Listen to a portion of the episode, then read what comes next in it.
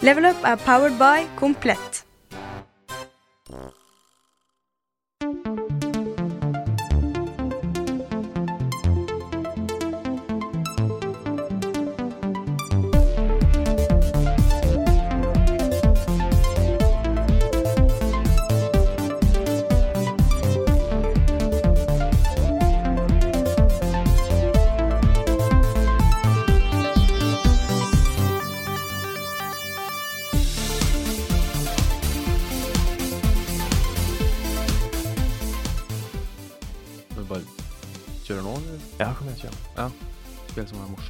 Si, no, si noe gøy. si noe.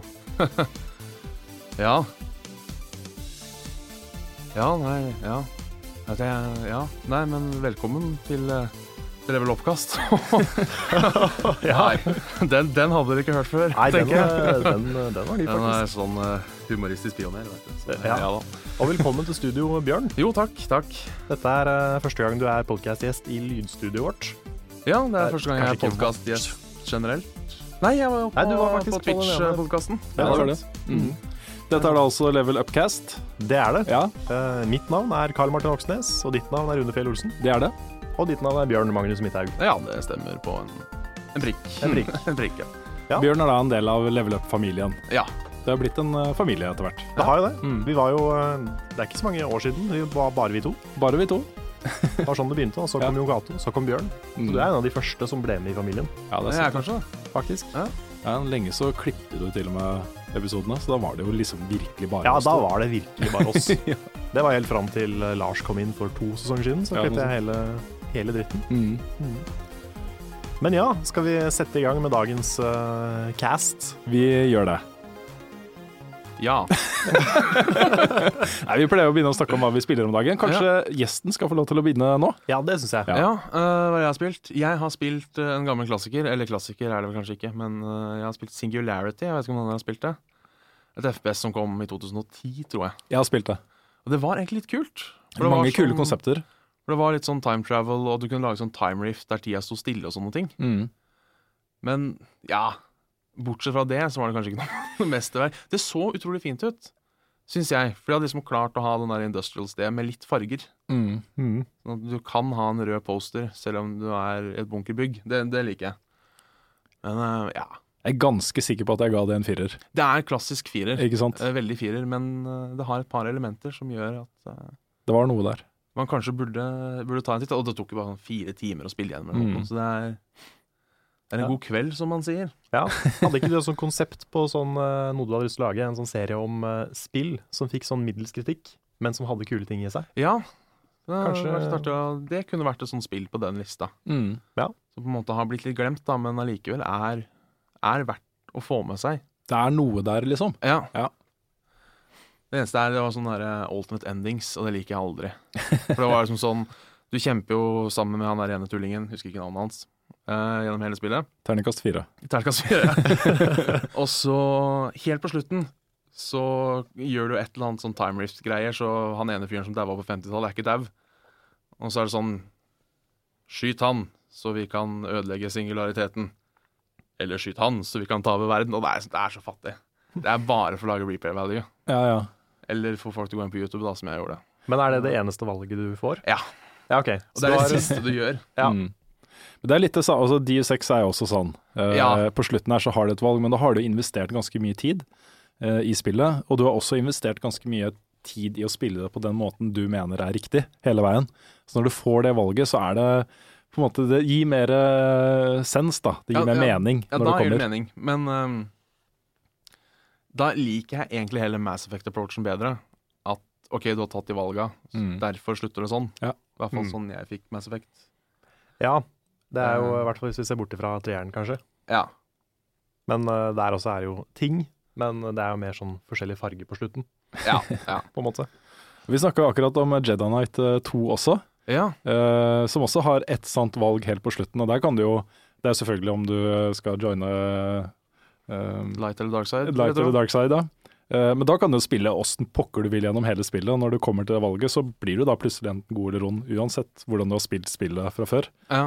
for der har du sånn light og dark powers. Jeg har ikke spilt det på Light Aner ikke hvor lenge, så jeg husker ikke så mye av det. Nei, du, eh, for, du må bygge opp light og dark eh, powers gjennom Ja, hele veien. Du må bruke eh, greier på å oppgradere ene eller det andre. Ja. Så du kan ikke drive og mikse og matche, på en måte. Du må velge side. så det er eh, litt som å være laktosefri, Mm. og så går du hele dagen og klager på at du skal ikke ha melk. Og så styrter du en liter H-melk når du kommer hjem. Det er liksom, Ja. Jeg føler det blir litt sånn. Mm. Nei, i, dag, I dag skal jeg ikke spille Destiny.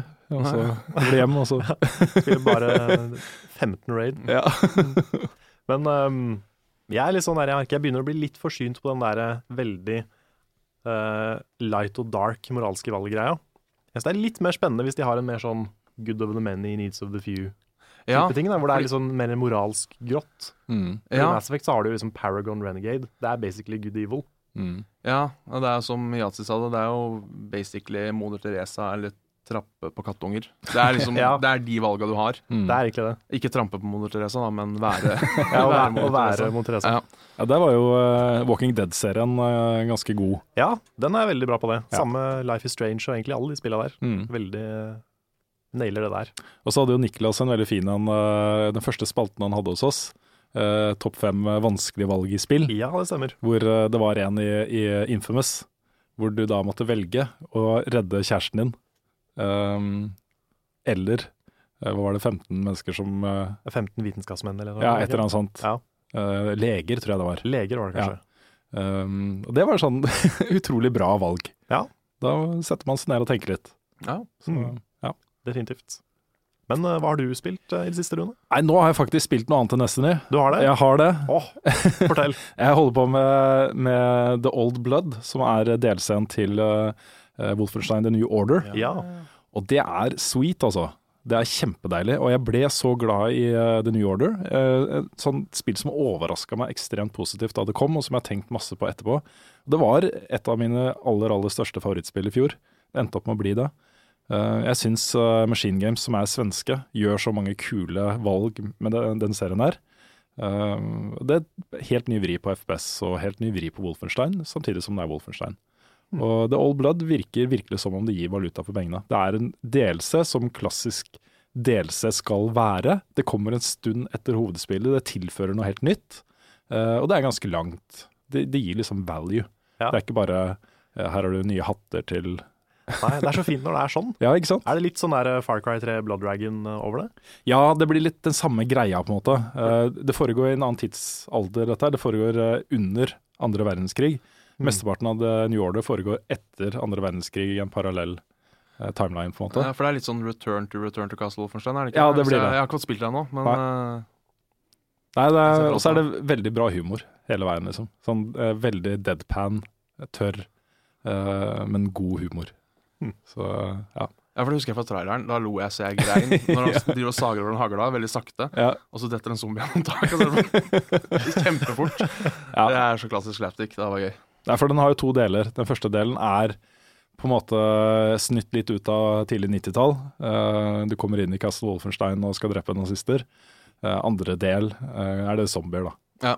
Så det er jo Er det Helga von Schnapp hun heter? Nei, Helga von et eller annet. Von Schnapp? Jeg husker ikke.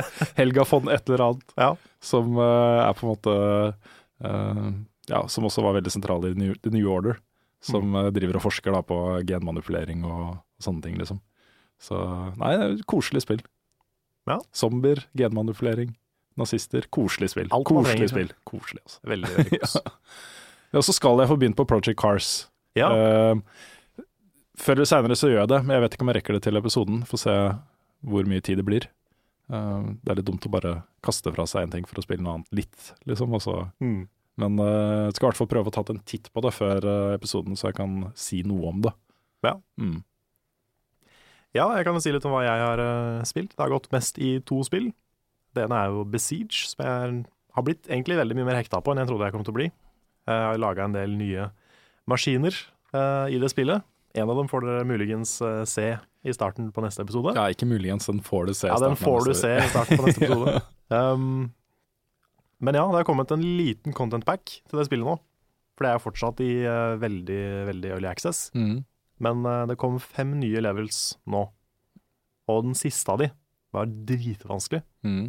Så jeg satt uh, sammen med Kristine, vi satt og liksom banna og bare skal klare dette her. Mm. Og vi klarte det til slutt, men eh, det var brutalt vanskelig. Mm. Eh, og det andre er eh, Broken Age. Nettopp. Og det, jeg hadde jo ikke spilt episode én, men, som er litt upraktisk når jeg skal anmelde episode to.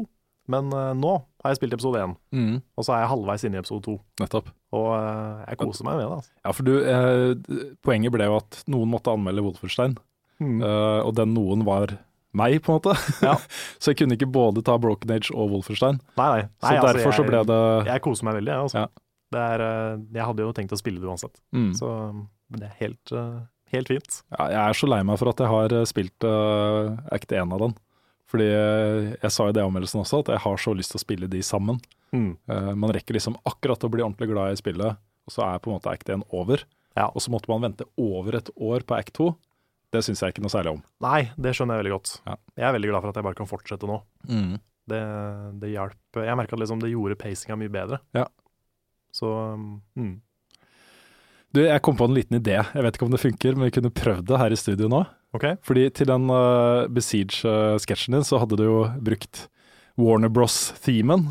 Ja, Som vi hadde altså en liten- ikke, ikke den eh, Eller for så vidt også den offisielle, Ja. men det er jo en sånn der eh, veldig pen fløyteversjon av den. Ja, nettopp. Mm. Uh, og da hadde vi en liten diskusjon om vi kunne bruke den, fordi originalen ligger jo Er det Warner Bros, forresten, eller er det 20th Century Fox? Nei, det er 20th Century Fox. Ja, nettopp. Uh, om vi kunne bruke den eller ikke. Og så Mm. Der ligger originalen i bakgrunnen. Ja. Så det jeg tenkte, skal vi ta, også, ta en a cappella-versjon av den Ja. her nå? Og så Ja. kan du se om du kan bruke den. Det kan vi gjøre. Hvis for eksempel um, Du tenker på den? Ba, ba, ba, ba, Ja. ja. Jeg kan være trommene, og så kan de- begge dere to ta den derre ja. på- som okay. dere vil. Og så Ja. skal det høres litt rart ut. Ja, skal det være litt falskt, liksom? Ja. Ja, ja for dere som har hørt den fløyteversjonen, den er jo overalt på internett. ja. Den er jo, det, det, det fine med den er at det er en blokkfløyte. Mm. Sånn som blokkfløyter høres ut når du spiller det på barneskolen. Ja. det er akkurat det det er. Nei, men uh, da foreslår jeg at vi bare begynner. Ok. Skal vi bare gjøre det? Ja. Okay. Da begynner du? Ja. ja. Drumtum, drumtum, drumtum, drumtum, drumtum, drumtum, drumtum,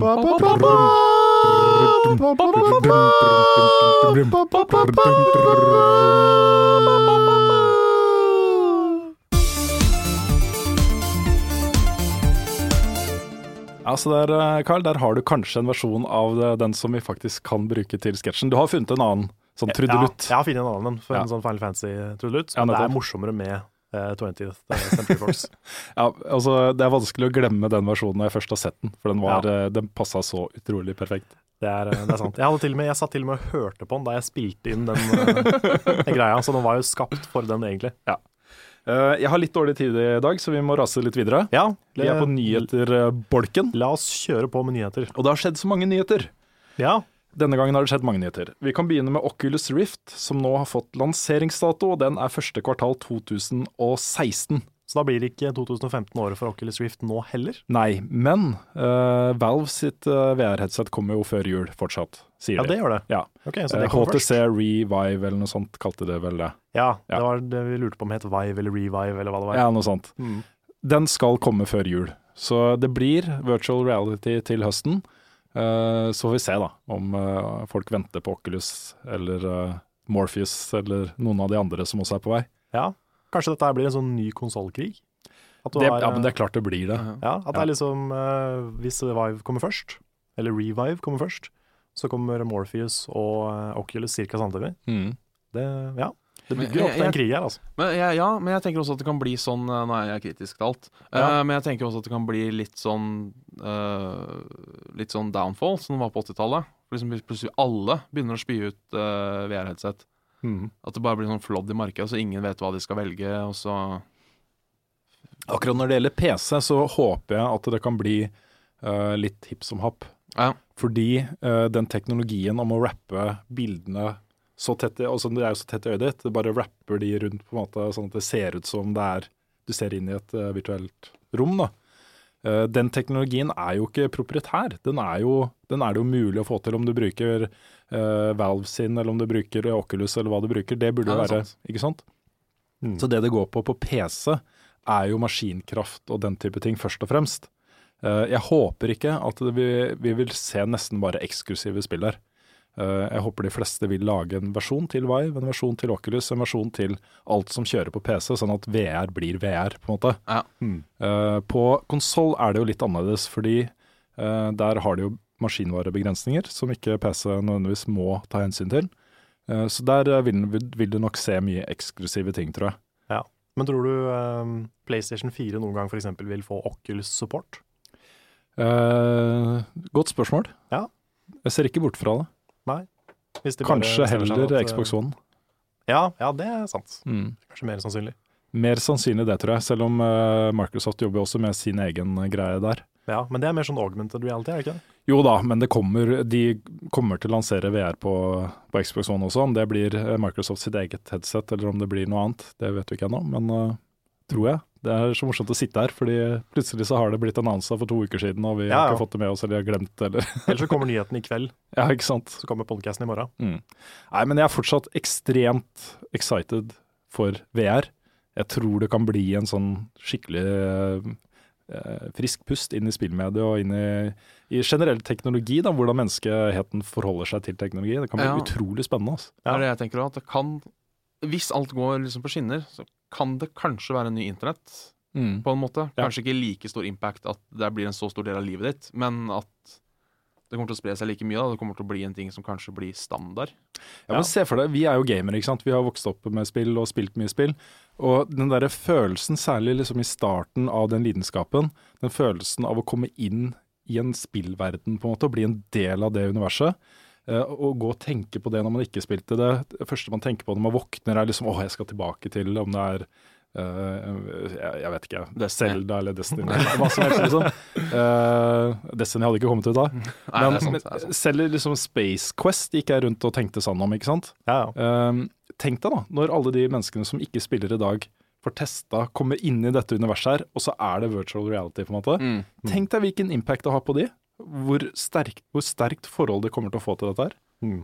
En av de beste, eller kanskje den beste virtual reality-videoen er jo hun gamle dama Ja. som ser eh, den der eh, hytta, eller hva det er for noe. Det var det samme som vi prøvde, var det ikke det? Ja, det er et, uh, et hus i Toskana. Ja, stemmer. Mm. Og gikk rundt der og bare ble helt blown away. Ja. Og helt rørt av det, liksom. Mm. Det, er, eh, det sier litt. Ja, det gjør det. Bare tenk deg folk som kanskje ikke har mulighet til å reise så mye. Eh, de har en disability eller, eh, eller er redd for å fly eller et eller annet. At de Mm. kan besøke verden med virtual reality. Bare sånne små ting som der. Masse, masse, masse sånne små historier som det kommer til å komme nå, da. Det er kjempespennende. Jeg har, eh, jeg har en liten bekymring da, som jeg har hatt hele veien. Det er de som har briller, Ja. og de som ikke kan ha linser. Og som kanskje har sånne briller med forskjellig styrke på hvert øye, for Ja. Hva gjør de? Hva, hvordan funker det? Nei, dere må vente til eh, de klarer å koble alt dette her inn på sentralnervesystemet Ja. gjennom en sånn greie i nakken, sånn som i The Matrix. Ja, sånn der, eh, sånn plugg. Ja, sånn plugg i nakken. Mm. Eh, da får du VR, Karl. Ja, Mm. så jeg må vente litt lenger. Du må vente litt lenger. Mm. Mm. Ja, nei, men de snakka jo om han der eh, Oculus-fyren som kom til oss. Han snakka om det at det, det fantes linser og sånn du kunne plugge på. Ja. Men uh, da må du jo få tak i Oculus-linser, som er akkurat din styrke, da. Det, som, bare bare. Nei, det som kommer til å skje, nå kommer det til å komme en standardversjon, og så kommer folk, eh, også produsentene til å belage seg på at folk bruker enten linser eller eh, ser litt dårligere mens de spiller. Ja. Uh, og så vil du kunne spesialbestille uh, dine egne linser, for de er jo utskiftbare i disse headsetene, Mm. med styrke. Ja. Det vil skje, og det vil koste penger, ganske mye penger. Mm. Så ja, briller er jo dyrt. Når Det er man skal liksom spesiallage linser til deg, eller uh, Mm. briller til deg. Ja, altså, brillene mine er kanskje ekstra dyre. Ja, ikke sant? Men det kommer til å komme. Det er klart det kommer til å komme. Du kan, Mm. kan jo ikke ekskludere uh, en så stor andel av menneskeheten. Nei, altså er det jo uh, Det er mange nerder som bruker briller. Det er, men, det, men det er sånn, det er nesten Ja, er ikke godt, bare en stereotyp. Det er Ja. veldig, veldig mange nerder som bruker briller. Ja, jeg eh, tror jeg måtte begynne å bruke briller fordi jeg satt så mye foran skjerm. Eller- Nei. Jo, eh, Men- poenget er at hvis du sitter og stirrer inn i en skjerm hele dagen og hele kvelden, uten at blikket ditt liksom fester seg på noe i horisonten og så kan få jobbe med dybde, da, Ja. så vil det venne seg til at det er der du ser, ikke sant, rett foran deg. Uh, og så vil den uh, Det er en muskel, ikke sant, som alt annet, som kan trenes opp til å bli dårligere og verre. Så uh, jeg er Ja. ganske sikker på det. Ja, kanskje. Mm. Jeg ble Jeg har alltid hatt dårlig syn. Ok. Så um, jeg kan faktisk ikke sky- skylde på gaming. Jeg fikk det i 20-årsalderen eller noe sånt. Jeg. Ja, ok.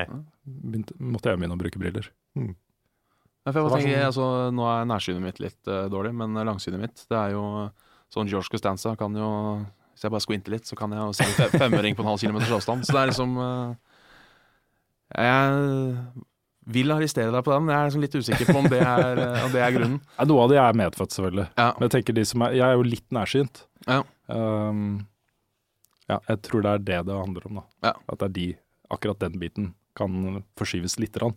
Mm. Men hvis du har sånn minus 13,5, liksom Ja, nei, det er jeg ikke. Nei. Jeg er ikke, jeg er ikke helt uh, der. Kan ikke si, hvis vi har en optiker blant lytterne, om de kan sende en mail. ja. Jeg kan ikke, hvis jeg bare kan sende han optikeren, eller hun, Mm. eh, min styrke, så kan de bare lage Oculus Rift til meg. For eksempel. Ja. Mm. Gjerne det, altså. Bare send meg en mail. Ja, kanskje det blir en sånn ting, da. Sånn Istedenfor brilledager, så blir det Rift-dager, da. Mm. Hvor liksom, hvis du kjøper de hos uh, nevnte kjede, så får du jo 80 og uh, Kanskje- sølvkort. Kanskje om et år så er det sånn der supermarked uh, på sånn Synsam og alle de der brillelandene og alle de stedene. Ja. Med Oculus Rift-ting. At det er sånn, de får sånn helt nytt marked for gamere. Ja, og så bare utvikler det seg, så om 40 år så er Synsam det nye Walmart. Ja. det er drøyt, altså, hvor fort det kan gå. Ja, så tenker vi vi slutter å gå på Spaceworld og Game og sånn, Ja. går på Brilleland. og Alt, alt, alt er på spill- Synsam. Spillting. Ja. Ja. Synsam blir sånn ny Doomcore som bare tar over. Expander, expander utover solsystemet og Ja, det blir bra. Det er fremtid. Noe som ikke er så bra, er at nå er PT helt borte fra amerikansk PlayStation Store. Jeg hørte at ikke du kan eh, redownloade det engang. I USA, nei. Nei. Er det, helt, det er scratcha fra de diskene som du laster ned ting fra. Så eh, i forrige podkast og i Level Up så snakka vi om at det er mulig. Og hvis du allerede har kjøpt PT, å laste det på nytt hvis du har sletta det. Mm. Det er i USA nå ikke mulig lenger, og det er vel bare å forvente at det samme kommer til å skje i Europa. Det er eh, Det føler jeg sier noe litt sånn skummelt om eh, Om måten vi preserverer spill på også. Mm. For det er sånn, hvis, hvis det er så lett å bare fjerne et spill fra all eksistens, nesten, Mm. det, det er jo ikke bra for, liksom, å, for spillkulturen. Nei, det er jo ikke det. Og dette er jo et veldig sånn godt eksempel på det også, fordi PT er da eh, en slags teaser for Silent Hills, som var det prosjektet til eh, Hideo Kojima og Guillermo del Toro, som nå ikke blir noe av. Eh, og dermed så fjerner de også den teaseren fra PlayStation Store. Men det er jo på en måte et stykke spillhistorie også. Og du ser jo nå at begynner, nå begynner jo folk å selge PlayStation 4-konsoller med det spillet installert på eBay Mm. om ti år, det kommer til å være så mye verdt. Det kommer til å være så mye verdt. En PlayStation 4 som har det spillet som faktisk fungerer. Mm. Tenk deg da. Så det sier last ned PT. Ja, gjør det før det slettes fra, fra europeiske store også. Ja. Men kan du fortsatt kjøpe det i Europa? Nei, du kan ikke kjøpe det. Nei, ok. Så hvis ikke du har kjøpt det allerede, så er det for sent. Da er det for sent. Ja. Ja, ja. Men jeg har det på konsollen nede, så jeg skal ta den konsollen og så pakke den godt inn, og så skal det gå inn i pensjonsfondet mitt.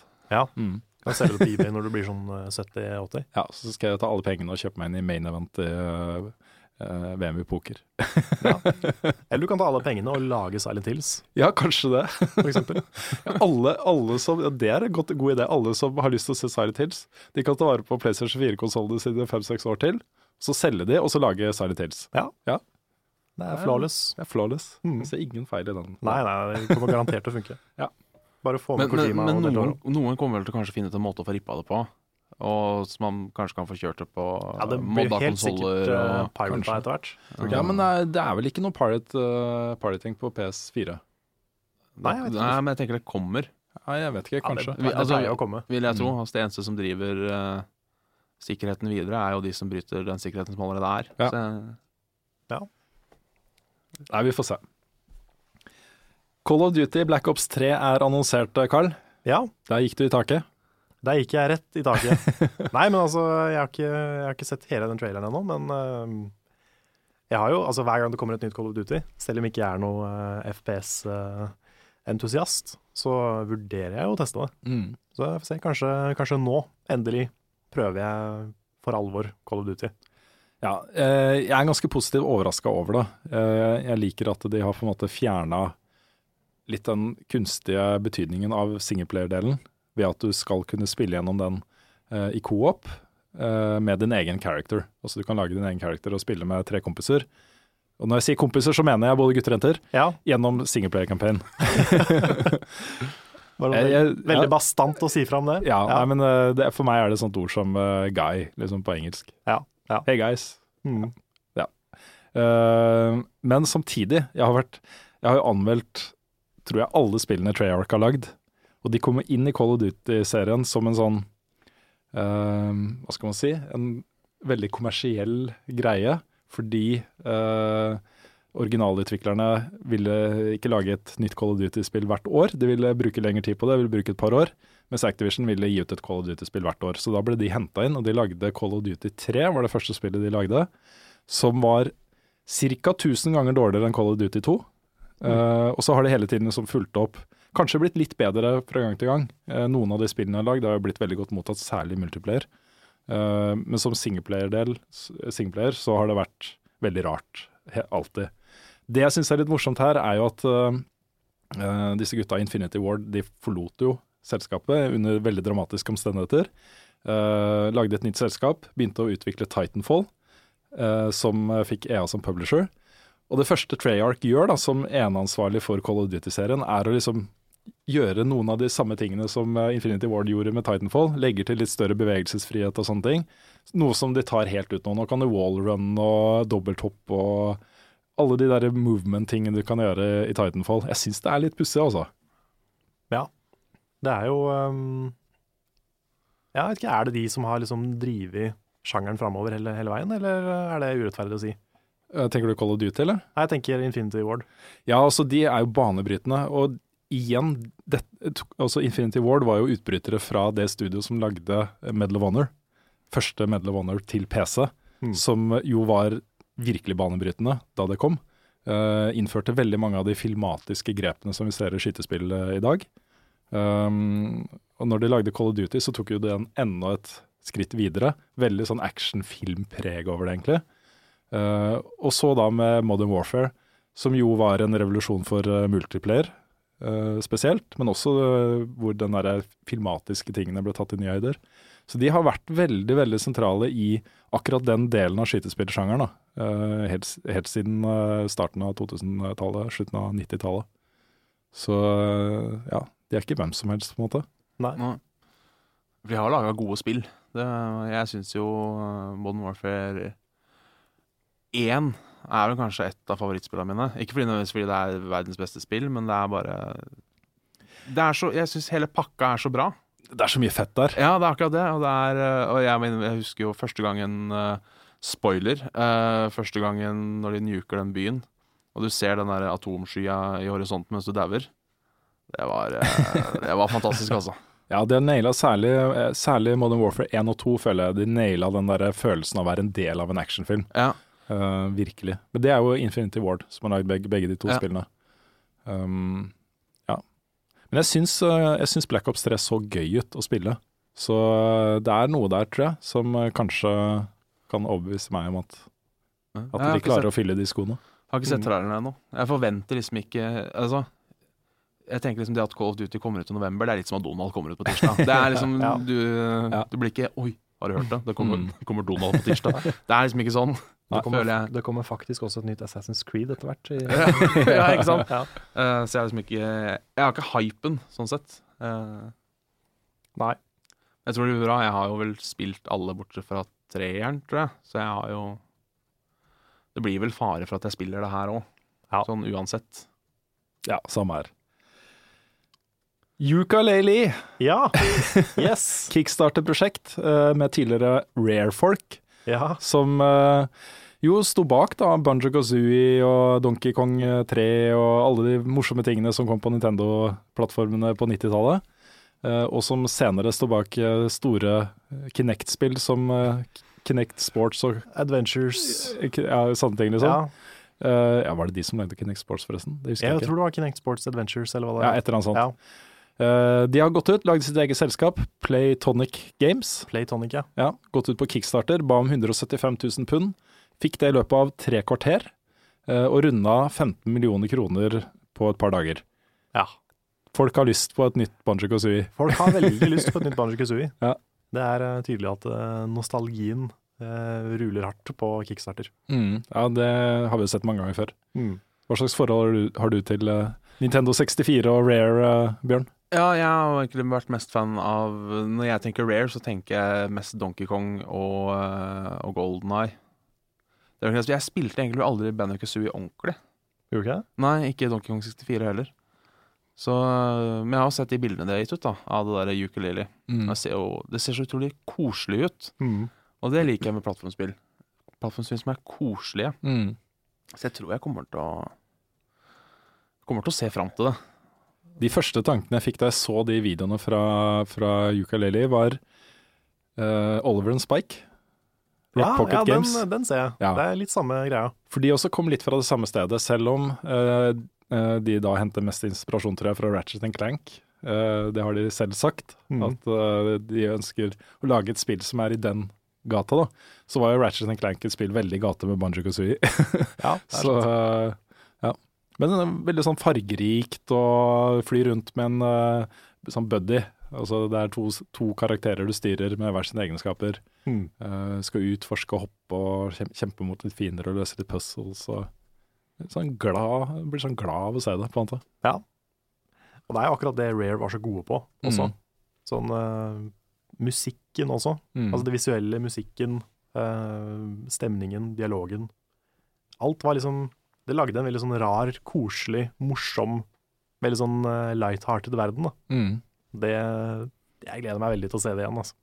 Må innrømme det. det er, jeg er veldig med på den bølgen der nå. Ja, De snakker om lansering i oktober 2016. Jeg håper det blir bra, og nå får du jo så mye penger at eh, det er jo mye som tyder på at det kan bli bra.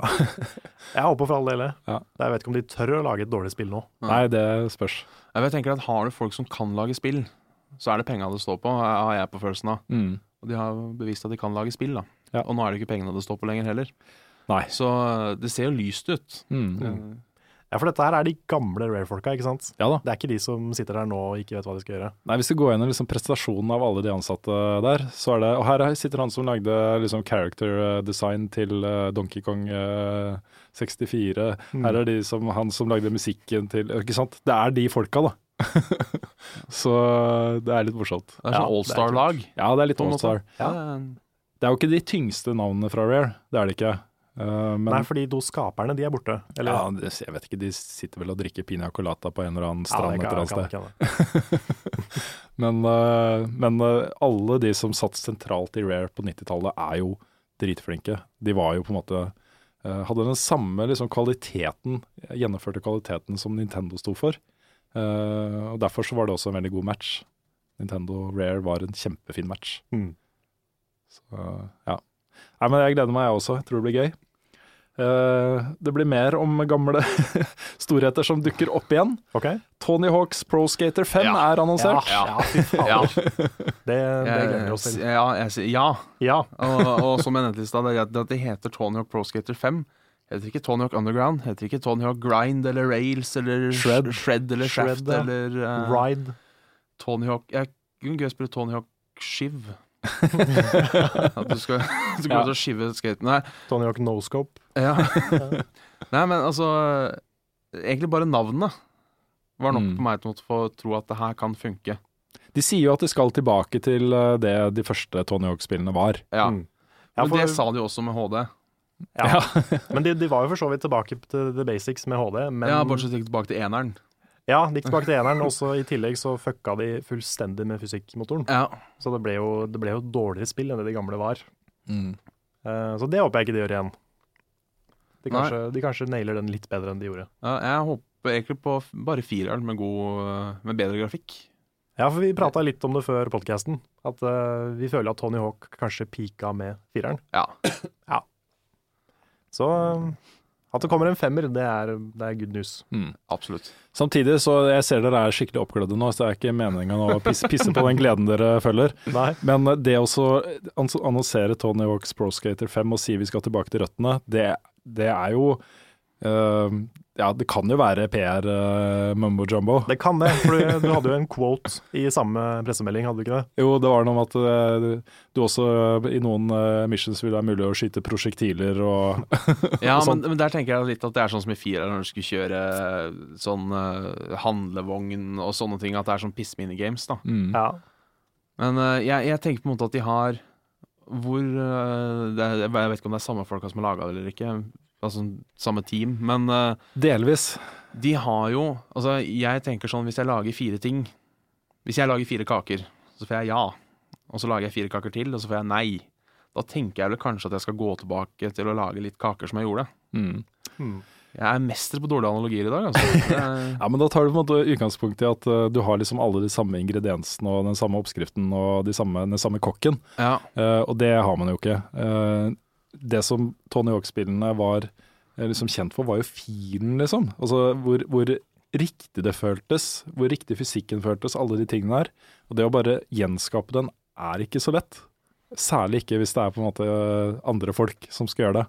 Et annet team som ikke, kanskje, kanskje ikke er like talentfulle, eller Nei, men det er en ting jeg har tenkt på sånn i forhold til flere spill, egentlig. Uh, både Tony Hawk og liksom Sonic og alle de spillene som er som har en egen fil som folk er veldig glad i.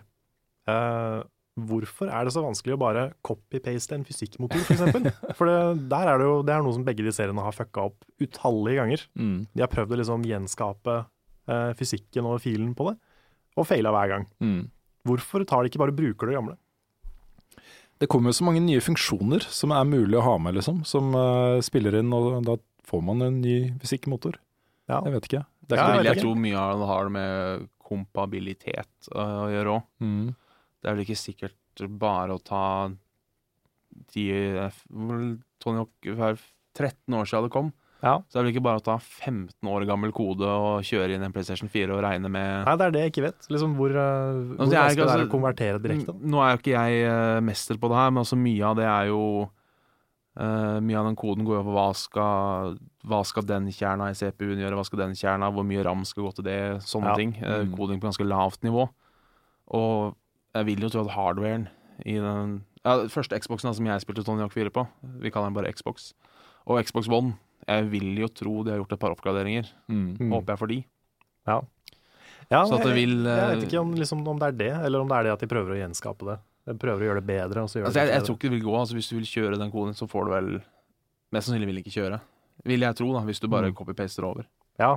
Ja, men jeg tenker mer sånn verdier, da, liksom at de legger inn de samme liksom Ja, Samme ja, regnestykkene, Det er jo sant, men de tenker jo på en måte og Hvis du ser åssen ting henger sammen ikke sant? Ja, men Det ser jo litt Det ser litt 13 år ut. Ser litt 13-åring ut. Eh, det ser litt 13 år gammelt ut. Mm. Vi må prøve å få det til å se litt bedre ut, for vi kan få det til å se bedre ut. Og så Mm. feiler de. Ja. Men de gjør ikke det denne gangen. Vet du, for jeg, jeg gleder meg sånn til det Ja, her. ja, vi, vi får se. De klarer det nå. Ja. Ja. Vi går videre til noe annet som vi har gledet oss til. Mirrors Edge 2 har eh, fått en slags lanseringsdato, Q1 2016. ja. Det er litt sånn morsomt nå med, med den tida vi er inne nå, for det er mye sånn finansrapporter og disse store utgiverne de driver og snakker til investorene sine, og da kommer det alltid litt nyheter. Mm. Eh, og dette var en av de, da. At uh, Mirror's Edge 2 har fått lanseringsdato. Eh, Jeg har ikke tenkt å si så mye mer om det e- egentlig, enn at eh, det er på vei. Det har fått en dato. Vi gleder oss, gjør vi ikke det? Det gjør vi. Mm. Det store spørsmålet her er om det får uh, VR-støtte. Altså, Det må det jo nesten. Ja, altså, jeg Mm. tenker altså, Hvis de har Hvis de kjenner sin egen besøkstid, som jeg liker å si, så en av de, de burde jo ta tak i en av, en av de tre aktørene og si hei, skal vi Mm. gå sammen på det her? Tenker jeg. Ja. Det er jo tidenes uh, mulighet. Men samtidig, eh, det første Mirror's Edge gjorde folk litt kvalme. Ja da, jeg husker jo Eh, hva, husker det godt. hva kommer til å skje i VR? Ja, det Folk blir kvalme der også. Ja. Men uh, det var jo en av de store gledelige nyhetene da Valve presenterte sin, sitt headset, uh, som jo hadde mye høyere refresh rate og uh, oppløsning enn det Oculus Rift har hatt til nå. Mm. hvor folk rapporterte at det ikke ble kvalme. Og hvor Gabe Newell gikk ut og sa såpass bastant at det var noe sånt som bare 1% eller noe sånt av de som tester Vive, som blir fysisk kvalme. Så kanskje de klarer å løse det. ja, men til gjengjeld kanskje den ene prosenten døde. ja. Det, vet, det vet vi jo ikke. Nei, det er sant. Vi kommer litt tilbake til akkurat den problematikken seinere. Vi har fått et spørsmål om det også. Ja. Rase gjennom de siste uh, nyhetssakene. Grim Fandango Remastered er ute på IOS og Android. Hei. Mm. Den uh, bør folk sjekke ut, hvis ikke det er gjort allerede. Gold Z kommer. Goat Sea, ja. Goat Sea ja. Ja, hva var det for noe igjen? Det er, Goat Simulator, zombie-modus i Goat Simulator. men det er en del av det spillet? Nei, det er standalone, tror jeg. OK. Men eh, jeg har bare hørt navnet. Er det liksom Daisy med geiter?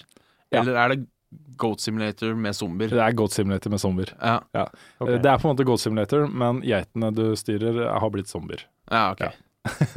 Det aller morsomste med det spillet tror jeg faktisk er det bare det bildet de lagde, for logoen er jo rippa fra, fra Daisy. Ja. Og i tillegg at uh, Goatsea også betyr noe annet. Ja.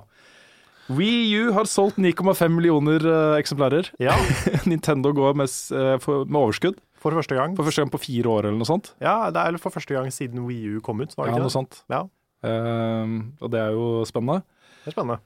Samtidig så melder jo, meldte jo PlayStation 4 nettopp, eller Sony eh, meldte nettopp at eh, de har runda 22,5 millioner solgte PlayStation 4-konsoller. Ja. De forventer å selge 16 millioner til i løpet av 2015. Eh, Så det skjer ting der. Jeg syns det, det er litt morsomt å se de tallene, fordi før noen av disse ble lansert, så hadde jeg jo virkelig store spørsmål rundt hvordan salget kom til å gå. Mm. Kanskje endte de opp på sånn fem millioner hver, et eller annet. Ja. Det var så gøy å se at det, det selges noen av de. Mm. Vet vi noe om eh, Det burde vi selvfølgelig researcha i- på forhånd hvis jeg skulle spurt om det. Men eh, er det noen som husker noe om hva de forrige Nintendo-konsollene solgte? Sånn til å sammenligne? Altså Wii eh, solgte jo noe sånt som 150 millioner eksemplarer eller noe sånt. Ja. Så det er litt mer. Litt mer. litt mer. Eh, jeg tror PlayStation 3 og Xbox 360 endte opp på rundt 80 70-80 millioner. Ja, OK. Uh, PlayStation 2 er jo tidenes mest solgte spillkonsoll. Uh, rundt 200 millioner nå, tror jeg. Um, ja. Hmm. Jeg tror GameCube lå på rundt 30. Ja, ok. Ja, det er, det er- tall, tall jeg tar ut av rumpa mi akkurat her og nå, Ja. men eh, de er sånn omtrentlig riktig. Sånn omtrentlige tall.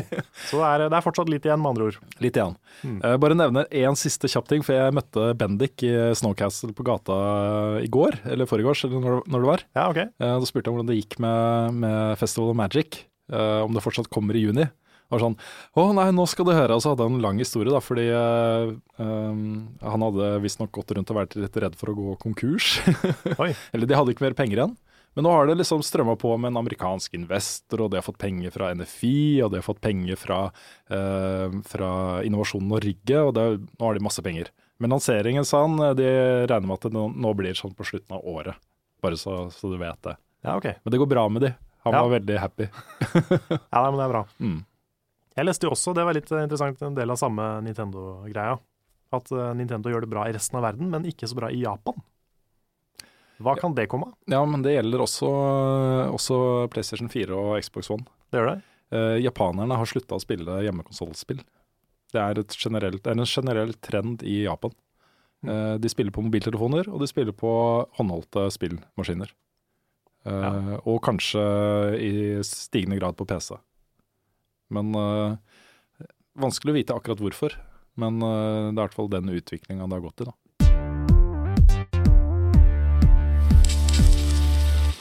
Da er det tid for eh, spørsmål og svar-spalten i podkasten. Og selvfølgelig så har jeg med Vi skal kose oss litt ekstra, så jeg har med en melkerull.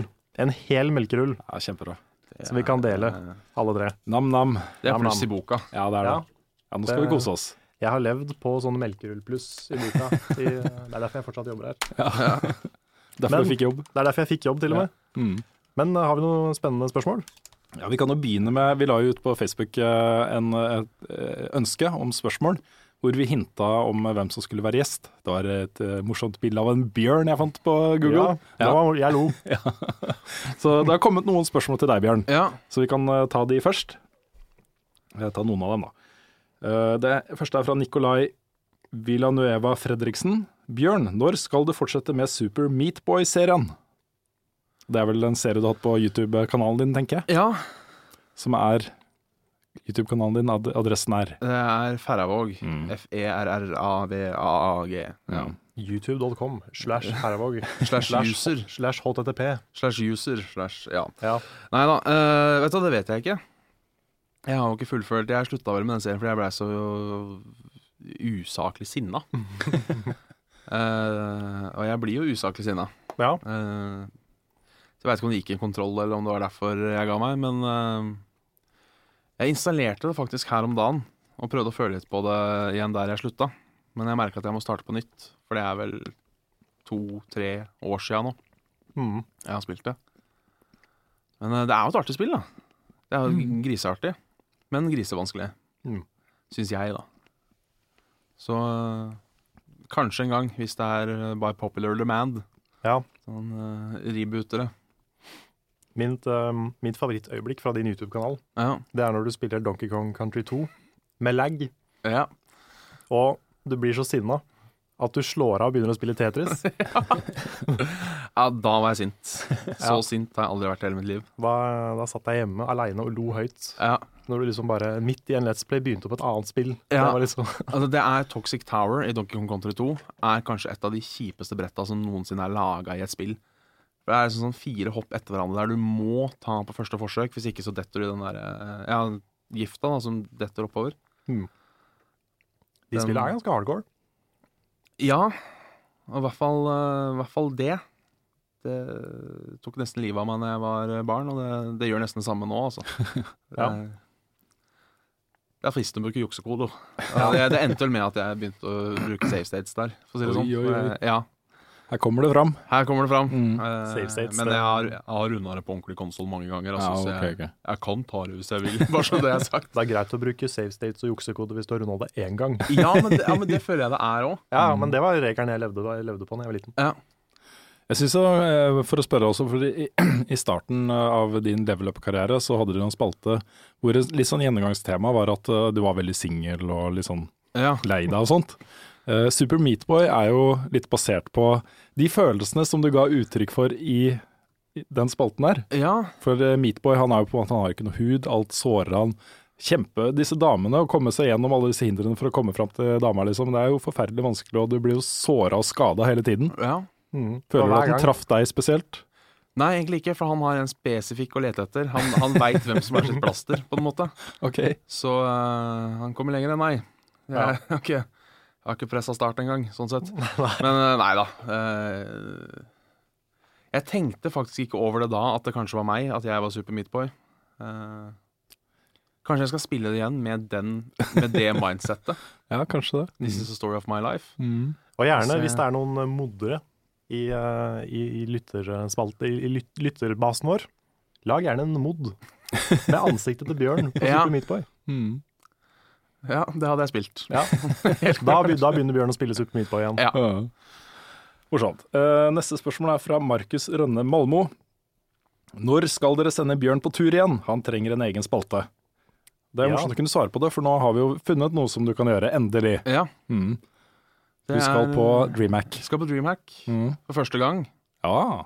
Så jeg Første gang til og med. aldri vært på, aldri vært på den Dreamhacken før. Nei. Så jeg gleder meg til jeg har tenkt å dra hvert år. For Mhm. jeg pleier å se på den der Starcraft-turneringa. Jeg vet ikke om de har det i år, Helt sikkert. men det pleier jeg alltid å se på. Sette seg ned med potetgullet og se det på TV-en. Så det blir stas å liksom få det med seg. Mm. Og så er det jo Jeg har et par kamerater som har vært der et par og sett på det.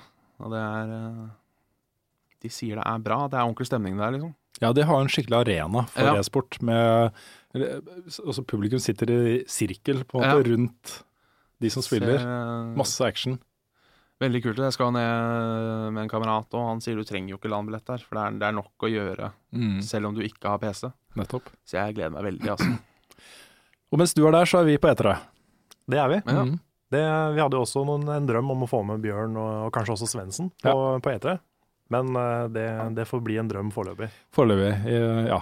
Det er dyrt å dra på etere. Det er veldig dyrt, og eh, VG har jo ikke uendelig med penger, dessverre. Vi har budsjettet, vi også, som alle andre.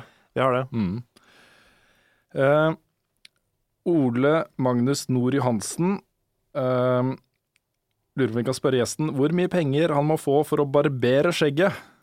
Oi. Kanskje jeg betaler, og så limer jeg det fast på mitt eget tryne. Nei da, men lurer veldig på hvor mye skjegget er verdt for Bjørn. Hvor mye er det verdt for deg? Den kommentaren tok en veldig creepy turn et lite øyeblikk. ja, han gjorde det. Hvor, hvor uh, mye penger skulle til for at du skulle ta skjegget? Jeg har gjort for en tusenlapp, liksom. Tusenlapp? Hadde du det? Ja. Jeg tror skjegget ditt er verdt mer enn det. Altså. Nei, men altså, jeg, men altså, jeg tenker sånn eh, etter jul Har du skikkelig dårlig råd, Bjørn? Er det Nei, jeg har egentlig ikke det, men jeg tenker sånn etter eh, etter Altså eh, En smartmann sa alle er horer, de får bare ikke nok betalt. Eh, og jeg føler at det er litt, at det, er litt det samme der, da. Um, for jeg, jeg tok jo nesten skjegget til jul fordi jeg skulle stusse det, og så gikk det galt. Alle med hår eller skjegg kjenner til den. Ja, da, da, fikser den- fikser fiks potensi. OK, vi må ta det. Eh, men da var det jo da laveste setting på barbermaskinen, så Mm. det var fortsatt litt igjen. Men eh, jeg tenker det er sånn tre uker Tre uker sparing til jeg hadde vært der igjen. Ok, så du, det vokser fort, med andre ord. Det vokser ikke sånn superfort, men det vokser fort nok. Ja. Så jeg kunne, jeg kunne Du hadde overlevd. Jeg hadde gjort det for en tusenlapp. En Det, det hadde jeg gjort, altså. Oi, oi, oi. Men jeg ville, når du først liksom skal gjøre det, så ville jeg tatt mer. Jeg ville krevd mer penger enn en tusenlapp. Ja, altså Hvis jeg først kan ta betalt for det, så Ja. tar jeg jo selvsagt 1000 kroner er nesten, nesten så lite at eh, jeg kunne bare bladd opp her nå og så tatt fram barbermaskin. Her, liksom. I studio mens vi sitter der. Jeg, jeg, hadde ikke gjort det, altså. Nei, for vi må jo ha kamera. jeg må, jeg må ha kamera og barbermaskin ja. og 1000 kroner. Kanskje det hadde vært en idé å tatt en level up-episode Ja, for eksempel. Istedenfor. Ja, Da kunne du beskrevet hvordan det ser ut. Ja. Jeg flyr håret Ja. veggimellom. Og nå er det hud under skjegget. Det eneste problemet er at jeg ser jo Jeg ser jo ikke ut uten skjegg. Det er problemet. Du er, kan være kjekk uten skjegg, Bjørn. Ja, men det er liksom sånn man er vant til å se noen med skjegg, vant til å se seg selv med skjegg, og så ser man seg selv uten skjegg. Eh, jeg husker jo for et par år siden så barberte jeg meg, barberte jeg meg glatt. Eh, så kom jeg på jobb, og det første jeg fikk høre var Fy faen, Bjørn, nå ser du ut som en rapist. Og det var liksom Det var mottakelsen jeg fikk, da. Mm. Så jeg tror eh, Jeg tror jeg beholder skjegget. Men altså, om prisen er god nok, jeg gjør det, altså. Mm. Eller for en veldig god sak. Ja. Og det er kanskje stilt opp. Mm. Hvis den er god nok. Mm. Vi lagde jo en, en sitcom for et par år siden Ja, som het eh, Roomies. Vi lagde, det var seks korte episoder av den serien. Og der hadde du jo liksom både skjegg og ikke skjegg, og hår og ikke hår. Og der gikk du liksom gjennom alt. ja der var jeg Jeg hadde ikke skjegg og hår. Mhm. Ikke skjegg og hår. Så det er ikke, ikke skjegg og hår. Og så lot jeg det bare gro. For det var Mhm. litt av greiene at jeg skulle barbere meg til rollen. Oh, ja. At jeg ikke skulle være sånn tre dagers skjegg, ja. Sånn, ja. tror jeg. Ah, ok. Mener det kommer litt sånn inn uh... Riktig. Jeg jeg har også barbert meg til den rollen, faktisk. Ja. Jeg barberte ikke like mye, bare. Nei. Jeg hadde jo da siste episode. Da var det på plass igjen. Ja, den- stemmer. Den sitcomen er det fortsatt mulig å se, ikke sant?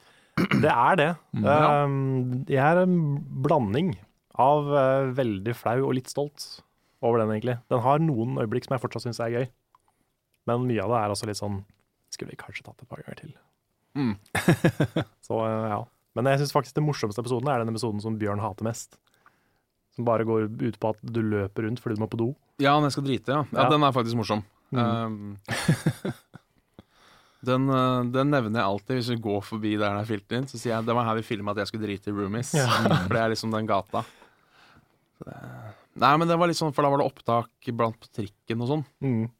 Og Ja, jeg, for jeg husker, jeg husker jeg sa Du Bjørn, jeg skrevet en, eh, din manus til Roomies, og det første du spør om er må jeg bevege meg mye. ja. Altså, ja, hele episoden går ut på at du løper. Så jeg fikk litt dårlig samvittighet, men Ja. det, ble, det ble jo morsomt. Så løping er greit, men jeg har aldri vært glad i å filme ute blant folk. Jeg føler, jeg føler at jeg er i veien, på en måte. Det er litt vanesak, har jeg oppdaga. Ja, jeg, er ikke, jeg blir ikke fullt så plaga av det nå lenger. Nei, jeg jeg syns helt i starten, da, du, da vi begynte å jobbe sammen, Mm. og vi var ute på gata og filma ting, liksom, så var jeg veldig flau. Ja, det var det? Ja, ja, absolutt. Men nå er det sånn å føle at ok, vi kommer, rigger oss til med kamera, vi har en VGTV-mikrofon. Uh, kanskje det er en eller to som, uh, som skjønner at vi kommer fra VGTV. Ja, At ikke vi bare er noen random dude som står og filmer et eller annet, liksom, Ja. til bloggen vår. ja, for akkurat der er jeg så fullstendig enig. Uh, hvis jeg De gangene jeg har lånt VGTV-mikrofonen, da er det nesten så jeg kan stå naken og danse. For det er liksom Så lenge det er den. Det er litt det samme som å gjøre russeknuter i russebukse. At ingen, ingen ser på det to ganger, fordi Mm. ja, de har på seg russebukse, så det er bare russeting. Mm. Eh, Rane en bank og Ja, ikke sant? Mm. Dette er tran. Det var i hvert fall i Hønefoss. eh, jeg tenker kanskje samme blir med VGTV-mikrofonen, da. Ja, få betalt for det. Da er det ikke sant, det er, Ja. det er det greit. Men litt, litt med den, det var at vi skulle løpe ut av en trikk. Ja. Som betydde at vi måtte vente til trikken stoppa, så måtte jeg gå på, så måtte jeg gå av igjen. Mm. Og hvis noen hadde gjort det når jeg skulle hjem fra jobb, så hadde jeg jo blitt så grise, grisesint. Så det var derfor Så den eh, Den stakk litt dypt. ja, jeg skjønner det. Ja. Kristoffer Lien har spurt oss hva eh, vi syns om Telltale og Marvel-samarbeidet, som ble kjent for en ukes tid siden. Ja, det er jo en eh, spennende kombo, det. Det er kanskje en av de bedre komboene de kunne valgt. Fins det noen eh, lisenser som Telltale ikke har samarbeid med igjen nå? DC. ok. Um, og, ja. De har vel ikke noen Nintendo-greier? Nei da, jeg, jeg overdriver selvfølgelig. Ja. Men eh, det er jo Nei, fryktelig mange ikke, ting, da. Veldig mange serier de plutselig skal lage. Ja, de, de klarer å bare pumpe ut de spillene der, altså. Ja, har de nok historie i seg til å få alle til å bli like gode? Nå har jeg hørt veldig gode ting. Det eneste jeg ikke har spilt av de, det er Borderlands. Borderlands. Men jeg har hørt veldig gode ting om den også. Ja. Så, mm, så vidt jeg har fått med meg hittil, da, så har de ikke gitt ut noe som ikke er bra. Det har nesten blitt en egen sjanger. Telltale. Ja, Ja. ja men det er, jo, det er jo ikke bare Telltale i den heller. Det er jo Drømmefall er litt under samme sjanger. Eh, Life is Strange er veldig under samme sjanger. Ja, jeg tenker mer på, på den visuelle stilen og alle de tingene som på en måte har eh, kommet til å representere de seriene de lager, da. Ja, det er sant. Ja, det er en helt egen kategori, sånn sett. På en måte. Mm. Nei, men eh, jeg, jeg tror jo det kan bli bra, som alt annet, liksom. Game of Thrones og alle de tingene de gjør, liksom, kan jo bli kjempebra. Ja. ja, Game of Thrones koser jeg meg veldig med nå. Kanskje feil å si kose meg med, for den er veldig fæl. Men, okay. uh, men det er bra. Det er veldig bra. Mm.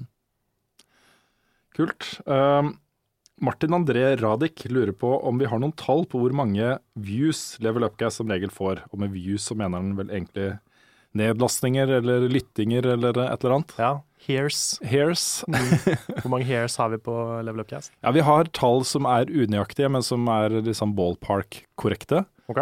Um, de får et sted mellom 6 7 og 12 15 000 uh, lytts, lytts uh, hver episode. Det er litt kult, for da har vi faktisk gått opp Jeg tror Vi blir tre-firedobla fra da Ja, vi mer. var på Ja, ja, når, vi var mer. på, når vi var på Twitch og YouTube, så var Ja. vi mm, rundt 1000 per. Ja, nettopp. Så vi har gått opp kanskje ti ganger så mye. Mm. Men jeg husker når dere launcha så lå dere på tredjeplass. Ja, Og jeg vil si at det er å vinne, for at dere slår ikke Misjon og Radioresepsjonen. Så enkelt er det på en måte. Vi har vært helt på toppen av den lista. Har dere det? Vi har vært helt på toppen av den lista. Eh, når, er når det har tima hvor vi har liksom vært akkurat uh, utenfor første slippvindu til Ja. Radioresepsjonen og Misjonen og de store, liksom, Uh, og truffet med en eller annen, et eller annet stort, så har vi vært helt på toppen. Det er Første kult, og altså. andreplass. Det er faktisk kult. Det er En liten life achievement. Ja, men nå har Det det stabilisert seg litt, tror jeg. For nå ligger vi sånn eh, omtrent der eh, Radcrew ligger på listene. Ja. Jeg Men altså, jeg tenker med en liten sånn asterisk, sånn stjerne, så Mm. kan dere faktisk skrive Norges mest populære podkast. Ja da, eh, Det det, må jo- forklares på en måte, men Det er jo det er mulig, så lenge, ja, så lenge dere har den fotnota. mm. Ja. Verdens mest populære norske spillcast. Ja, Jeg vet ikke hvordan de listene der fungerer egentlig, også, fordi eh, vi har eh, vi har omtrent like mange, mange nedlastinger og sånt som vi hadde da vi var på første, andre, tredjeplass jevnlig Mhm. eh, i fjor høst. Um, men ligger lenger ned på lista. Jeg tror kanskje det er fordi podkaster generelt har blitt mer populært i Norge. ja. Mm. Og så har du kanskje, kanskje ta litt med hvor mange abonnenter dere får Mm. i, i det regnestykket òg. Ja, det er kanskje det er noen vek vekting eller et eller annet. Får, eh, Men vi er i hvert fall veldig fornøyde. Det er et godt tall for oss. Jeg tror det kan bli mye høyere, egentlig. Sånn, Ja, I Men- hvert fall hvis uh, det har vært noe snakk om at kanskje VG begynner å fronte oss litt mer. ja, vi har aldri vært på fronten av VG ennå. Vi har jo ikke det. Nei. Så kanskje hvis det begynner å skje, så Kanskje. maybe. Kanskje. Vi får se. Nei, Det er i hvert fall et koseprosjekt for oss, dette her. Og det at folk gidder å høre på, er jo bare hyggelig. Mm. Men vi bruker jo ikke så mye tid på det. Det er Nei, vi, sånn vi kommer om uh, ettermiddagen, og så prater vi litt. mm. Og så tar det en halvtime, tre kvarter å klippe det og publisere det. Ja. Så Så det er et lofi-prosjekt, så det er veldig, veldig bra. mm, vi liker å lage den. Mm. Uh, René Bjerkenes Olsen lurer på om vi kan lage en video til YouTube der hele redaksjonen drar til et kattepusshjem og koser med søte kattepuser. Jeg er veldig, veldig down, merker jeg. Ja. Det hadde vært veldig koselig. Vi snakka litt om det før sendingen. Ja. Du hadde et godt forslag, Bjørn. ja, å stikke opp til Foreningen for omplasserte dyr. De holder jo til rett av Det er jo kanskje innafor Oslo-grensa òg. de har jo masse katter. Mm. De kunne sikkert lånt oss noen katter. Mm. Jeg tenkte det er sånn god idé, for det er et av mine favorittøyeblikk noensinne. Eh, Det er en Scrubs-episode. Jeg husker ikke hvorfor han ene er sjuk, men det er sånn et av de eh, fantasiene JD har. Hvor de har en sjuk pasient, og han bare tømmer en pappeske med kattunger oppå, og så man blir frisk. Jeg tenker det kunne vært noe, kunne vært noe lignende. Ja, det kunne vært noe sånt, det. Ja. Vi kunne jo også, hvis dyr hadde vært veldig gode venner, Ja. så kunne vi hatt en sånn samling av dyr. Mm. At vi hadde liksom en papegøye på den ene skulderen og kanskje en kanin på den andre. Så hadde vi en, bare fanget fullt av kattepusser. Ja. Noen sånne røde pandaer som går rundt. Uh, hva heter det på norsk igjen? Det heter det rød panda, gjør det ikke? Ja, men det er noe annet òg. Det er sånn uh, kattebjørn, tror jeg det heter. Vaskebjørn. Kattebjørn. Katt, kattbjørn. Katt, kattbjørn. Jeg tror faktisk det heter kattebjørn, Ja. eh, hvis ikke jeg blander. Men eh, noen sånne. ja. Og eh, litt forskjellig. Gaupe. Ja, babygaupe. Det Ja. måtte vært babydyr. Eller stor gaupe. Kobra. En, ko- ja, Snill. og sånn, um, og sånn en bitte liten baby-minihest. Sånn som er mi like liten som en menneskebaby. Ja, nå begynner det å bli veldig spesifikt. Har du tenkt mye på dette, Karl? Litt. Ja. Så, mm. Men sånne bitte, bitte små hester, de er faktisk veldig søte. Ja. Mm. Og elg. Og elg. Jeg har alltid hatt for- forkjærlighet for elgen. Ja. Mm. Jeg tror ikke jeg har sett en elgebaby. Er ikke det, det er kanskje basically litt sånn rådyr? Jeg vil tippe at de ses med som en liten elg. Ja, det er mulig. har sett det på TV. Ja. Men René, som du skjønner, så fikk vi en del bilder i hodet her, så det kan jo hende at uh, du er spiren til en sketsj eller, eller noe et eller annet. Ja. Det, Level Up dyrespesial, for eksempel. hvor vi har bare masse spill om dyr, Mm. og så gjør vi dyreting. i- Dyreting, ja. Mm. ja. Det er en god idé. Ja. Det blir en dyr episode å lage. Unnskyld, jeg klarte ikke å dy meg. Jeg beklager. Jeg synes det var ordentlig bra. Ja. Jeg veit jeg ljuger. Vi nevnte i tidligere i podkasten at vi skulle komme tilbake til dette med motion sickness i spill, og vi har fått et spørsmål fra Chris Falleth. Han spør om vi har noen gode tips mot motion sickness pga. spill. Jeg prøver å spille Wolfenstein The Old Blood, men den konstante vuggende måten som spillfiguren går på, gjør meg uvel etter kort tid. Og det er jo et kjent problem. Jeg har fått det flere ganger selv. Ikke ofte, men av og til så er det liksom ting som gjør at jeg blir litt kvalm av å spille Mirror's Edge, f.eks. Mm. Um, jeg ville ikke bare komme hit og synse, så jeg, jeg sjekka litt på Google først. Uh, og Steam, uh, Valve har jo noen tips på brukerhjelpsidene sine. Uh, det første er, uh, eller to av de er, uh, er knytta til uh, PC-brukere, bare så det er sagt. Så hvis du spiller på PlayStation 4 eller Xbox One og blir motion sickness, så er det bare ett av disse tipsene som du kan få noe ut av. Men det første tipset er PC-relatert. Det, går på å skru på VSync, som er en innstilling i grafikkinnstillingene. Uh, skru det på. Uh, og hvis du har muligheten til å ha høyere hatch enn 60, som jo er litt sånn standard på, på PC-skjermer, så gjør det så høyt som mulig. Det var det første tipset. Det andre tipset er generelt uansett om du spiller på konsoll eller PC, og det går på belysning i rommet du sitter i, og særlig rundt akkurat der du sitter. Så rundt skjermen og rundt der du sitter, at det er godt belyst. Så, så det at folk vil liksom ha et mørkt rom for å bli mer immersed, det kan Mm. også gjøre deg mer bilsjuk. Ja, eh, tydeligvis. Men det, ja, for det gir på en måte for det med at man blir dizzy, er vel at øh, visse deler av hjernen din mottar andre signaler enn det deler av den får. Ja, men jeg tror det med belysning det handler om at du Ja, for, ja men da tenker jeg da, da, da skjønner øh, hjernen at det står stille. mm. Men hvis du bare ser skjermen, så Ja. kan du jo lure deg selv. Ja, jeg tror det har noe med det å gjøre. Mm. Det tredje tipset er uh, FPS, altså frames per second. Uh, skru det opp. I mange spill så kan du jo, i PC-spill, da, så kan du gå inn i kommandoen og, sånt, og si at jeg vil eh, kjøre spillet i 120 frames i sekundet. Istedenfor 60 da, eller 30, eller det som er standard. Um, hvis det er mulig, eh, sett det høyere enn 60. Eneste spillet jeg har opplevd å bli litt bilsjuk For jeg blir aldri bilsjuk. Jeg blir ikke båtsjuk eller flysjuk eller noen ting. Men uh, bare i Final Fantasy Type Zero Ok? opplevde jeg å bli sånn småsjuk av eh, kamera.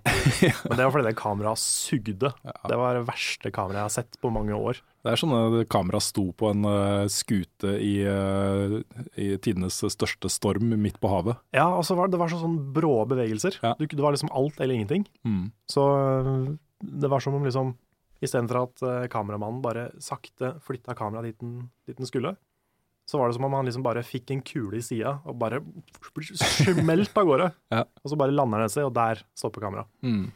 Det var håpløst. Morsomt. Ordentlig drittkamera. Ødela, ødela veldig mye mer for det spillet enn det burde gjort. Ja.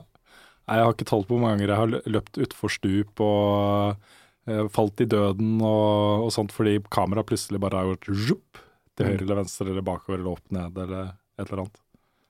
Det er klassisk. Mm. Um, ja, vi eh, har ikke tid til så veldig mange spørsmål denne gangen. Vi tar et par eh, til. Uh, Marius Bråten har et litt sånn generelt spørsmål som vi nok ikke har noe godt svar på, men vi kan jo ta spørsmålet og se hva vi kommer opp med. Hvilke tanker har dere selv om endringer for å få opp seertallene? Uh, og for the record, skriver han, så fortjener dere alle de seerne dere- dere kan få. Kvaliteten går bare oppover. Åh, Tusen takk. tusen takk, det var veldig hyggelig å høre. Det er jo et stort spørsmål, et vanskelig spørsmål for oss, for vi vet ikke helt hvorfor seertallene har gått ned. Nei, Det er så mange teorier som går på alt fra at, øh, at øh, vi hadde mange Gamergate-seere som ble sure da vi det tror jeg er null prosent på. ja. Til at, øh, at seerne, de, de tradisjonelle seerne våre, har forsvunnet i YouTube, som kanskje er litt mer plausibelt. Mm. Ja, for det er jo ikke bare Level Up som har gått litt ned. Det er jo flere andre programmer også på, Ja. På VGTV. Ja, og det tredje teori er at uh, folk har problemer med playeren, VGTV-playeren. Ja, vi får jo litt tilbakemelding på den noen ganger. Ja, vi opplever jo det selv også. Hvis vi spoler i en sending, så går kvaliteten ned, og så er den dårlig et par minutter før den blir bra igjen. Så det er, det er så mange sånne ting. Uh, vi er dårligere fronta enn vi var før. Det er vi definitivt. Også, og fronta er rarere enn vi var. er kanskje litt rarere, men det er jo nok først og fremst at vi får ligge liksom to-tre dager, og så er vi helt borte fra front. Mm. Så det er liksom så mange ting vi kan se på og prøve å ta tak i. Eh, men jeg har liksom en liten mistanke om at eh, vi må kikke litt på formatet og eh, hvor vi publiserer ting, når vi publiserer ting, Mm. osv. Ja. Det er eh, ting som tyder på at, eh, at eh, mange av de som kunne vært interessert i å se Level Up på VGTV, eh, bruker all sin tid på å se Let's Plays på YouTube og følge folk der. Mm. Ja, for det, er, det som er fordelen med YouTube, er at det er så lett å holde styr på det du, det du vil se. Du har jo subscriber-basen din, Ja. og du har eh, liksom related videos på, på ting du ser. Eh, som regel popper det opp ting du har sett på før, som YouTube husker at du har sett før.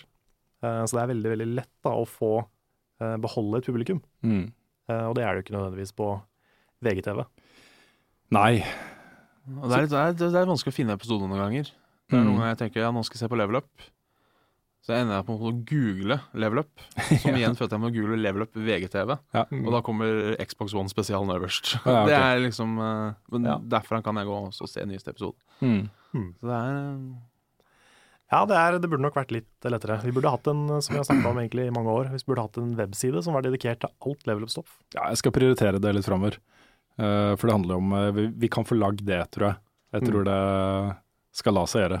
Vi hadde jo et konsept til det for lenge siden, hadde vi ikke det? Jo da, det var nesten ferdig. Ja, det var kult, det. Ja, det var kult. Men øh, øhm, ja, etter at vi fikk tenkt oss litt om, så fant vi vel ut at den ikke var helt riktig sånn som den burde være.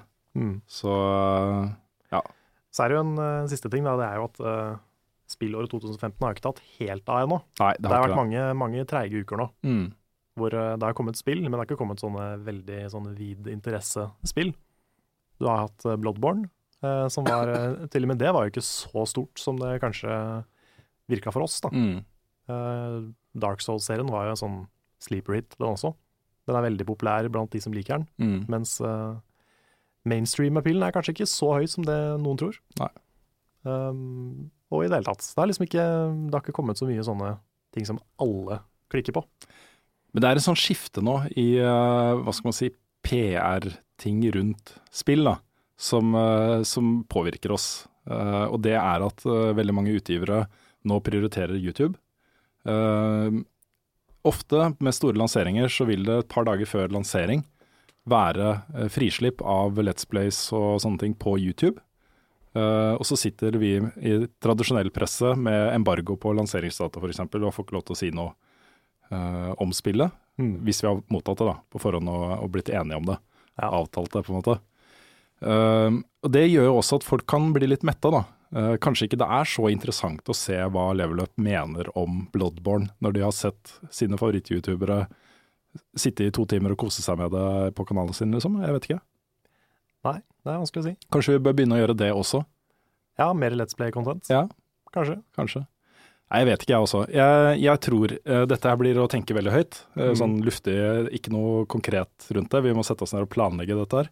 Men jeg tror det at vi eh, må slutte litt å se på det visningstallet på VGTV, og heller tenke hvor mange visninger vi kan få totalt uh, rundt Ja. omkring her og der, på en måte. Ja, for det, det er jo et poeng, for nå har vi jo flere ting gående samtidig enn vi noen gang har hatt. Det har vi. Vi har episodene, vi har podcasten, vi har streaming ofte nå. Mm.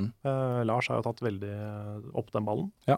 Eh, han har jo tatt tak i Instagrammen vår også. Ikke at, ikke at den har så mange visninger nødvendigvis, men, eh, men ja. Mm. Det skjer ting litt rundt omkring, da. Ja. Så vi kanskje kan bli noe større enn bare episodene. Ja, jeg eh, har i hvert fall lyst til at vi skal gjøre mer på YouTube, og mer sånne ting som er der. Det er morsomt å lage, og det er riktig for oss å gjøre det, tror jeg. Så Og så må vi si det er jo ikke krise på noen som helst måte ennå. Nei, nei, nei. Det er jo, vi har fortsatt uh, gode tall på, på VG. Ja da. Det er jo som regel godt over 50 000 personer som ser programmet vårt, og det, det er jo fortsatt bra. Ja, altså Da vi lanserte Level Up, eh, så tenkte vi at eh, hvis vi får eh, 20 000-30 000 visninger per episode, så er det kjempebra. Eh, og så ble det jo liksom allerede fra første sesong så lå jo snittet på rundt 70 000. eh, og så gikk det opp. Så vi Mm. hadde to sesonger på rad hvor vi hadde over 100 000 visninger i snitt. Eh, og så gikk vi ned til sånn 90-100, og så er det vel 60 eller noe sånt nå, tror jeg rundt der. Ja. Uh, så det er fortsatt bra, på en måte. Uh, men det er jo litt urovekkende at tallet går nedover. Mm. Og vi merker jo at det er litt trått å fronte ting, fordi tidligere så kunne vi få liksom 50 000 visninger første døgnet, og så tikka det inn. De andre 10 000 kommer liksom sånn jevnlig utover. Mm. Så det er jo sånne ting vi tenker på, og som eh, bekymrer oss bitte litt. Ja, ja det, det, gjør jo, det gjør jo for så vidt det. Jeg husker jo også sånn det var. Eh, jeg, jeg tror eh, da, Jeg skal ikke si det har alt å si, men jeg tror frontinga har en del å si. Jeg husker jo da vi hadde de beste sesongene våre, så var det det var jo sånne svære frontvinkler med svære bilder. Og kule bilder, ikke sånne intetsigende, blurry ingenting-bilder. Uh, med en kul overskrift som var eh, spillfokusert, som traff liksom gamere. Uh, og det har vi jo ikke nå. Nei. Det får vi aldri lenger. Men det er til frontens forsvar så er det jo forsøk, da. Med store, gode bilder og veldig spillfokuserte ting. Eh, problemet er jo de sitter jo hele tiden og følger trafikken eh, i sanntid på Mm. frontvisningene. Og de går ikke så bra som de gjorde før. Nei. Så da skifter de, og så prøver de ut nye ting, og så ja, funker for så vidt ikke det heller, men, men de har i hvert fall prøvd. Ja. Så, så det har skjedd noe der. Jeg tror det er veldig mange eh, yngre mennesker som har uh, slutta å gå på VG nett-forsiden. Mm. Det tror jeg er uh, hovedgrunnen til at tallene er lavere. Det, det kan nok hende. Så uh, vi får se. Kom tilbake, folkens. Ja, please. Tell your friends. Tell your friends. Vi setter veldig pris på uh, litt sånne hobbyambassadører. Det er veldig hyggelig. Ja, det gjør vi. Jeg tar et par spørsmål til. Det første er fra Kurt Arne Strømmen. Og Han skriver at det ikke er noen bombe at et nytt Call of Duty er på vei. Selv har jeg stoppet å kjøpe serien, for jeg liker ikke retningen serien har tatt de siste åra. Men hva synes dere om et nytt Call of Duty der de går tilbake til andre verdenskrig? Det er den settingen jeg forbinder med Call of Duty, by the way. Jeg hadde vært veldig for det. Fordi eh, jeg føler litt med hele den der FPS-sjangeren eh, at det var sånn OK, nå er, nå er vi lei World War II-shooters. Så vi starter å lage modern Desert Combat. Nå føler jeg at det har vel vært mer Desert Combat-spill enn det noensinne har vært laga World War II-shooters. Så jeg er veldig klar for Jeg var jo egentlig ikke lei World War II-shooters heller. Jeg elsker, jeg elsker den settingen. Så ja, jeg, da tror jeg kanskje jeg hadde gått Da hadde jeg gått litt i taket. Litt sånn uh, Tony Hawk 5 i taket hvis, uh, hvis jeg hadde gått ut i World War 2. Er det noen andre kriger de kunne, kunne? Vietnam har Det ble jo forsøkt, det var innom Vietnam et par spill der. Ja. I overgangen, da folk begynte å bli litt lei av andre verdenskrig. Mm. Men jeg er jo litt sånn skyldig i det også selv, fordi jeg spilte jo alle, jeg spilte absolutt alle andre verdenskrig-skytespill som kom. Fra Modern, nei, fra Modern Warfare, så jeg, fra Medal of Honor og utover. Uh, og det var jo tre store serier der. Det var eh, Medal of Honor, det var Call of Duty, og så var det Brothers in Arms. Uh, pluss at det kom et par andre spill som prøvde seg i samme sjanger. Og det ble jo så fryktelig mange av det etter hvert. Alle hadde oppfølgere. Hvert år så kom det liksom tre store spill fra andre verdenskrig som basically var ganske like hverandre. Ja. Uh, når du på en måte har gått inn i tematikken andre verdenskrig og forsøkt å gjenskape hvordan det var på et eller annet vis, om det er overdrevent eller filmatisk eller hva det er, så kommer du til et punkt der som du gjør i bilspill f.eks., hvor det føles som om det meste er prøvd ut. Ja. Uh, og når du spiller et nytt spill, så er det liksom Hva nytt kan du gjøre, på en måte? Uh, det siste virkelig gode andre verdenskrigsspillet som kom, som jeg husker, da, det var det siste eh, Brothers in Arms-spillet. Som jo fortalte liksom veldig personlige historier oppi dette her, som ble faktisk ganske bra, da. Eh, men da var jo all mekanikken og alle de tingene var jo så utprøvd at det spillet ikke klarte å slå noe særlig fra seg likevel. Så jeg følte meg jo virkelig, da, det, da Modern Warfare kom, og andre verdenskrig på en måte offisielt var over, så, så følte jeg meg helt ferdig med den Ja. settingen. Eh, nå tenker jeg at nå er jo, som du sier, det markedet, den sjangeren, også veldig metta. Ja. Eh, de har jo begynt å gå i fremtiden isteden. Uh, når de er ferdig med det, så tenker jeg ok, hva er det neste da? Da kan det godt tenkes at det er klart å gå tilbake til andre verdenskrig igjen. Hmm. Det kan tenkes. Kanskje folk er klare for det nå, til og med. Ja, eller kanskje, kanskje de kjører litt den der Destiny-ruta, at det blir sånn aliens uh, og sånn. Det håper jeg. Jeg har eh, aldri, aldri vært så veldig glad i aliens i spill. Doom excluded.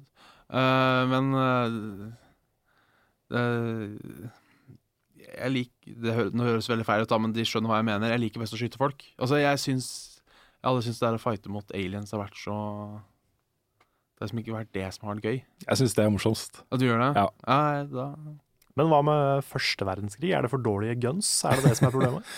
Altså, det er vel litt, litt problemet med første verdenskrig at de sto vel stille i De, fire år. de sto i ja, skyttergraver. ja, det er sant. Det, Eh, er- det er hverandre. for så vidt veldig Men sant. jeg har spilt et par, uh, par minutter av det derre Verdun, Verdrun, som er sånn multiplayer uh, første verdenskrigsspill. Mm. Og det funka sånn halvveis.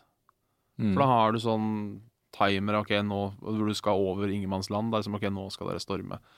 Det, det funka egentlig. Mm. Men uh, der også ble det litt sånn Laget mitt sto der, de andre sto der, og så sto vi bare og skjøt på hverandre. Så jeg vet liksom ikke helt hvor godt det funker. Men jeg kan jo lage en sånn der Special Ops, uh, World War One eh. Ja, ikke sant. Fordi ta Inglorious Bastards, for eksempel. Ja, det er jo et sant. kjempebra spillkonsept. At det kommer et sånt eliteteam inn og skal fucke opp ting, liksom. Det Ja. er et godt poeng. Ja. Så Der går det an å gjøre ting. Og også en del av bakgrunnshistorien til eh, Metal Gear-serien. Hvor eh, mange av de bossene eh, i spillet, de var jo en sånn elitegruppe under andre verdenskrig. ja. Som uh, gikk rundt og gjorde ting, liksom.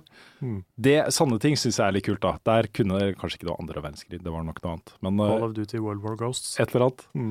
Det er fordi der er det mulig å gjøre, gjøre gode spillopplevelser, tror jeg. Mm. Hvis du uh, tenker litt mer i de ba banene. Mm. Eller Call of Duty Ancient Warfare, ja. hvor det er sånn Det er ikke guns i det hele tatt. Nei. Det er bare andre våpen.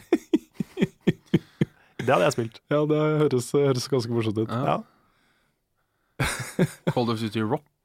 Det er huleboer bare grynter og denger folk med stein. Ja, ja, ja.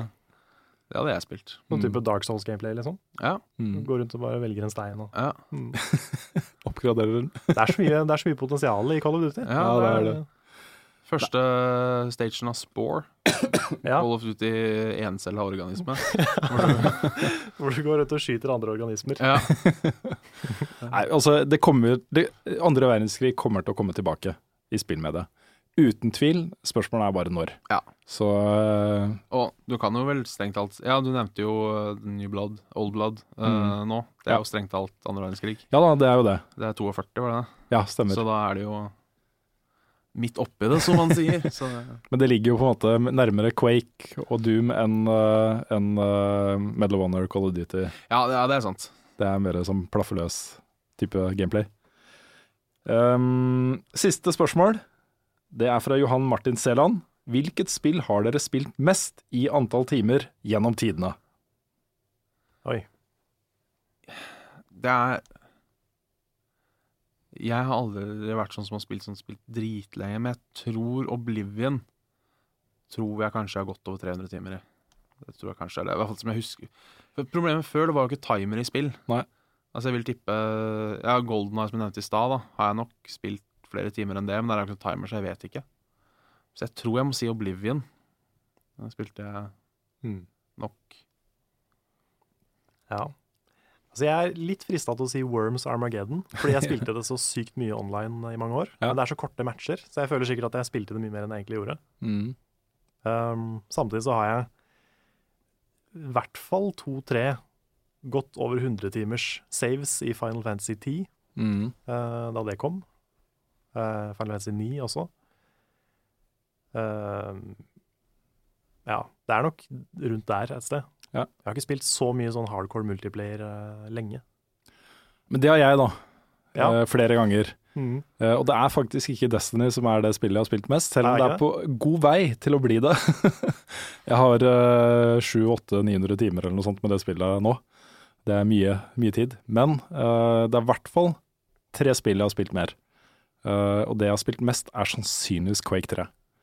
Okay. Uh, det spilte jeg og spilte jeg og spilte jeg og spilte jeg i to-tre år. eh, hver dag, opptil flere timer.